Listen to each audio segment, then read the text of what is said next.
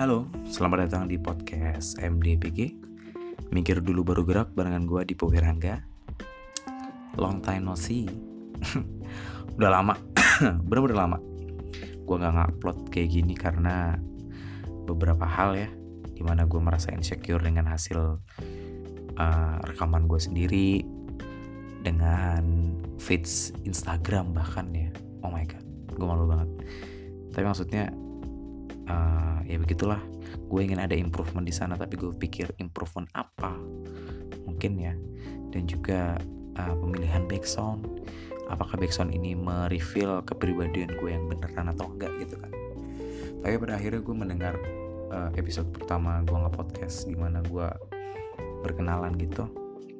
Ternyata tujuan untuk tujuan gue nge-podcast ini adalah untuk uh, membuat jurnal buat diri sendiri sehingga gue merasa kayak ya bodo amat lah dengan kualitasnya. With background or no background gitu ya. Gue ngerasa kayak ya udahlah fuck it. Gue lakuin lagi aja. Orang cuman makan waktu 15 menit dalam hidup gue buat ngomong kayak gini. Dan juga kesulitan menjadi seorang yang konsisten tuh gue ngerasain banget. Di mana kayak wow susah banget ya konsisten. Gimana caranya harus keeping up bikin-bikin kayak gini terus di mana kadang-kadang kok hidup gini-gini aja gitu loh mau cerita apa? Ya gitu sih. Kalau untuk monolog ya bener-bener kayak what do I have to tell to myself? Tapi ada sih kayaknya untuk kali ini karena udah lama berhenti. Dan juga ada beberapa hal yang gue simpan-simpan dan juga akhirnya akan maybe akan gue ceritakan gitu kan. Oh ya uh, buat teman-teman semua selamat bulan Ramadan selamat berpuasa bagi yang menjalankannya. Uh, ya gue menjalankan ibadah puasa. Hmm, ini nih uh, ini lucu banget sih gue uh, gue lulusan pesantren ya. Aduh malu banget ngomongnya tapi nggak apa-apa gue sudah mempelajari teori-teori yang ada di agama gue selama hmm, beberapa tahun? Enam lah ya gitu kan. Dan gue merasa bahwasannya dulu pemikiran gue itu tidak seperti sekarang. Di mana uh, pemikiran gue tuh lebih banyak ingin merasakan apa yang orang lain rasakan. Ingin merasakan perspektif yang berbeda. Dulu gue merasa dulu ya ada keringanan yang namanya rukhsah untuk orang-orang yang sedang bepergian, sedang menjalankan tugas yang berat, benar-benar mencipta fisik apa segala macam, atau menjadi seorang musafir gitu kan. Uh, itu dibulakan untuk gak puasa. Tapi gue gak pernah merasakan hal tersebut. Gue gak pernah kayak uh, gue gue gak mau gak puasa ah waktu itu. Dan pada akhirnya gue so, jadi seorang yang gak pernah batal puasanya gitu kan. Ini cerita sangat personal sih, tapi gak apa-apa sih dan juga waktu itu pada akhirnya untuk Ramadan kali ini ada satu hari di mana gue bolong puasanya gitu kan. Udah tebak lah ini kan hari keberapa gitu misalnya gue ngupload ini kan. Ada satu hari di mana gue uh, apa namanya nggak bisa ini harus batal gitu uh, dan pada akhirnya karena ada perjalanan yang jauh juga waktu itu. Dan juga diperbolehkan. Maka akhirnya gue milih untuk ya udah gue hari ini gak full dulu nggak apa-apa. Tahun ini gue nggak full dulu gitu.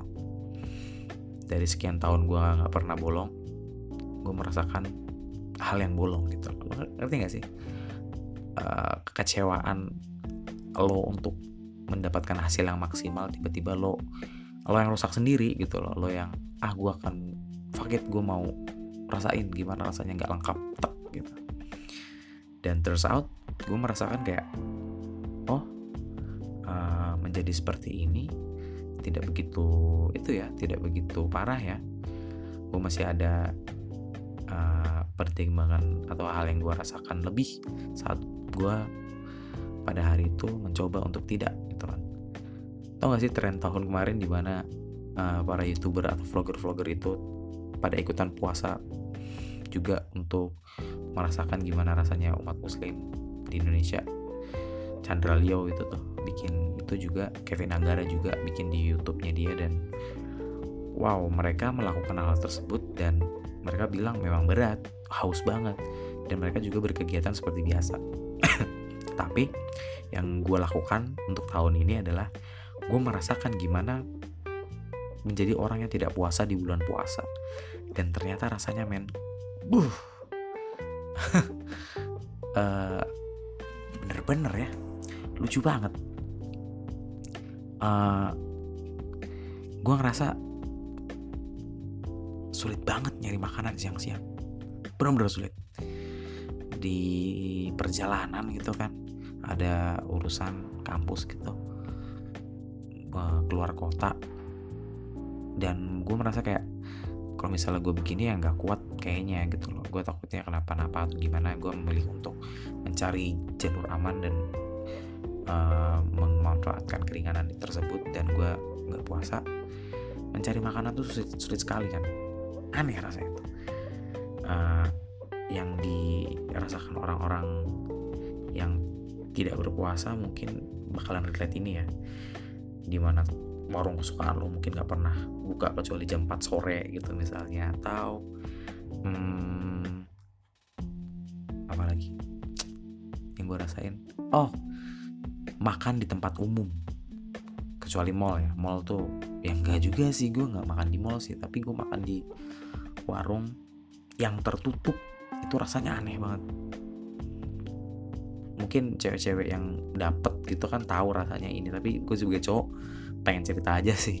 Di mana cowok kan harusnya kalau misalnya mereka kuat mereka tidak bisa untuk nggak puasa pada bulan puasa. Tapi karena satu tugas yang lumayan berat yang melelahkan gitu ya gue lakukan. Ternyata rasanya aneh men. Gue kayak merasa harusnya sebagai seorang umat muslim kita yang kuat dong harusnya. Kayak apa namanya uh, frase-frase harus menghormati lah atau apa. Gue kira itu aneh aja. Orang puasa menahan bukan ditahan orang lainnya ya gak sih?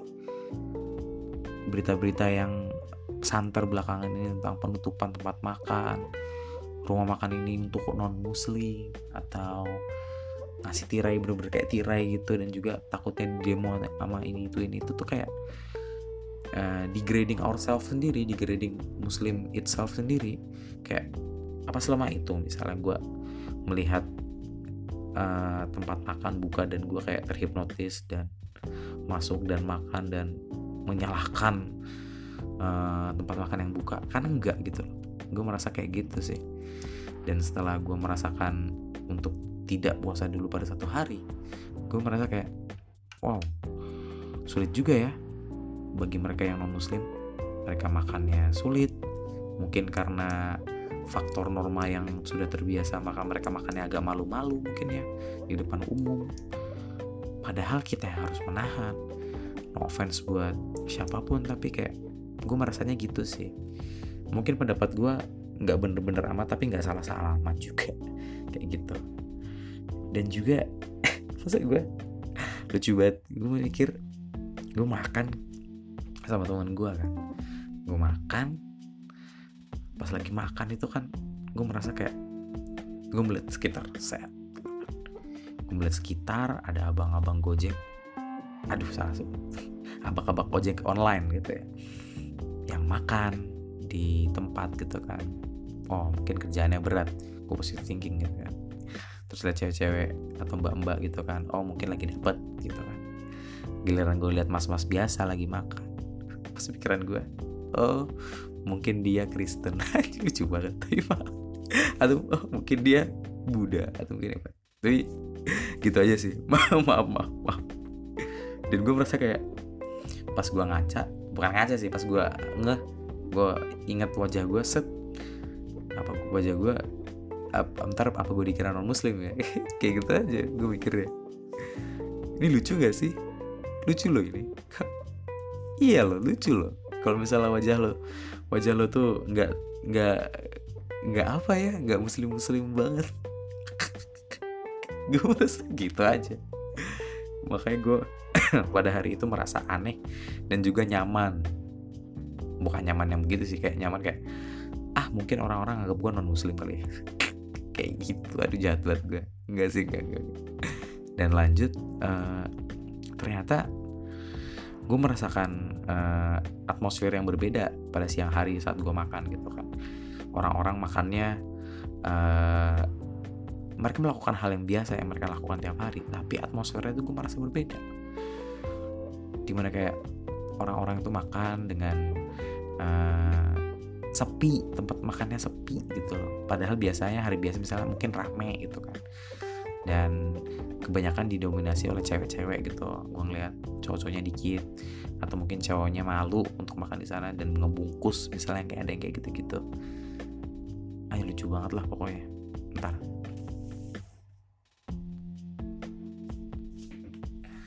Udah mau imsak. Oh ya nih gue rekaman jam setengah empat kayak jam tigaan gitu kan. Udah mau imsak gitu. Dan hari ini gue puasa tenang tenang. Dan juga hmm, itu sih gue ngerasa kayak harusnya kita sebagai muslim tuh ngerasain juga apa yang orang lain perjuangkan karena status kita sebagai orang yang banyak gitu loh. Gue tidak memungkiri sih misalnya adanya hal-hal yang di, di internet yang benar-benar kayak melukai harkat orang dan juga uh, agama orang gitu kan. Gue tuh merasa kayak sedih gitu loh apa kita kualitas kita sebagai umat beragama seperti ini gitu loh. Nggak perlu nggak perlu apa ya uh, menjadi manja dan harus uh, difasilitasi fasilitasi dengan eh, perangkat-perangkat uh, aturan yang berlaku banget untuk menjadi uh, kondusif dalam menjalankan suatu ibadah.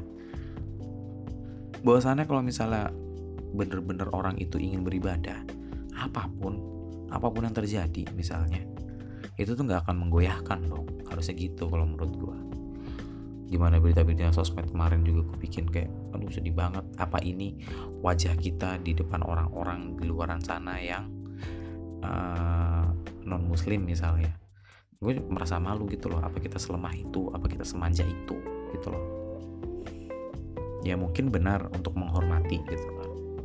Menghormati mungkin bisa ditutup dengan tirai gitu tapi nggak usah ditempel, ditempelin kayak uh, spanduk yang kemarin rame di Twitter itu dong gue pikir. Kalaupun misalnya kita menghormat uh, ada yang menghormati mereka menghormati gitu ya. Setidaknya itu tidak membuat orang harus memilih apa yang disediakan oleh masyarakat. Maksudnya kayak bukan memilih apa yang disediakan sih. Mau nggak mau orang berlaku seperti itu karena keadaannya seperti itu. Misalnya bener-bener kayak makan tuh harus ngumpet bener-bener ngumpet. Padahal kalau misalnya iman kita kuat ya harusnya kita akan baik-baik saja dengan keadaan uh, orang lain misalnya makan kita tidak atau orang makan di depan kita secara biasa aja gitu loh. Ya kalau lo nggak nggak worthy ya berarti lo akan menjadi manja seperti itu sih. Dan gue nggak senang dengan hal seperti itu. Ya apakah wajah PR kita akan rusak gitu loh dengan hal-hal yang kayak gini? Dengan apa sih namanya? Eh, keputusan-keputusan mungkin aturan-aturan daerah yang kayaknya itu memanjakan sekali gitu. Tapi uh, untuk beberapa hal misalnya kayak penggunaan lapangan untuk beribadah atau apa apa itu karena gue sih ada sedikit setujunya sih. Gue ini agak tertrigger dengan beberapa uh, cuitan-cuitan yang ada di Twitter tentang uh, kampanye di masjid, sholatnya di lapangan di satu tempat, mungkin namanya Monas, monumen uh, susu nasional gitu kan. gue tuh merasa ya mungkin itu adalah freedom of speech gitu loh dan kebebasan untuk berkumpul. Berkampanye juga itu kebebasan berkumpul dan ber itu sih ber berapa namanya? Berkerabat bertukar pikiran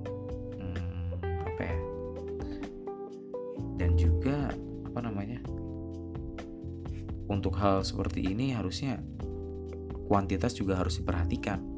Misalnya kayak uh, untuk ibadah sholat id orang tuh banyak sekali. Dan juga ada beberapa halangan-halangan yang dialami oleh umat muslimah di mana mereka tidak bisa memasuki masjid.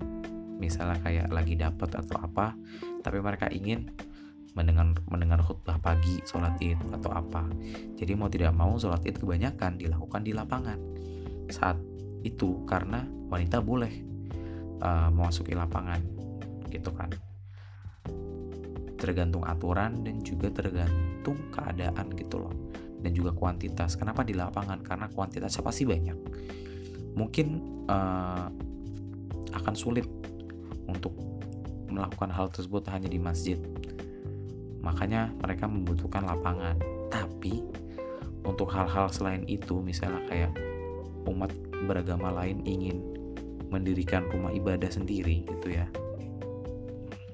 Dan juga membangun rumah ibadahnya dan dipersulit gitu merasa kecewa juga. Kesannya ada beberapa hal yang kita manja sekali gitu loh ya mungkin bukan semuanya mungkin hanya sebagian kecil golongan yang berpikir seperti itu atau mungkin jangan-jangan cuma sebagian kecil yang berpikir kayak gini kayak misalnya pembangunan pura yang ada di Jawa Barat apa ya ditolak mentah-mentah oleh masyarakat muslim di sana. Gue tuh merasa oh my god ya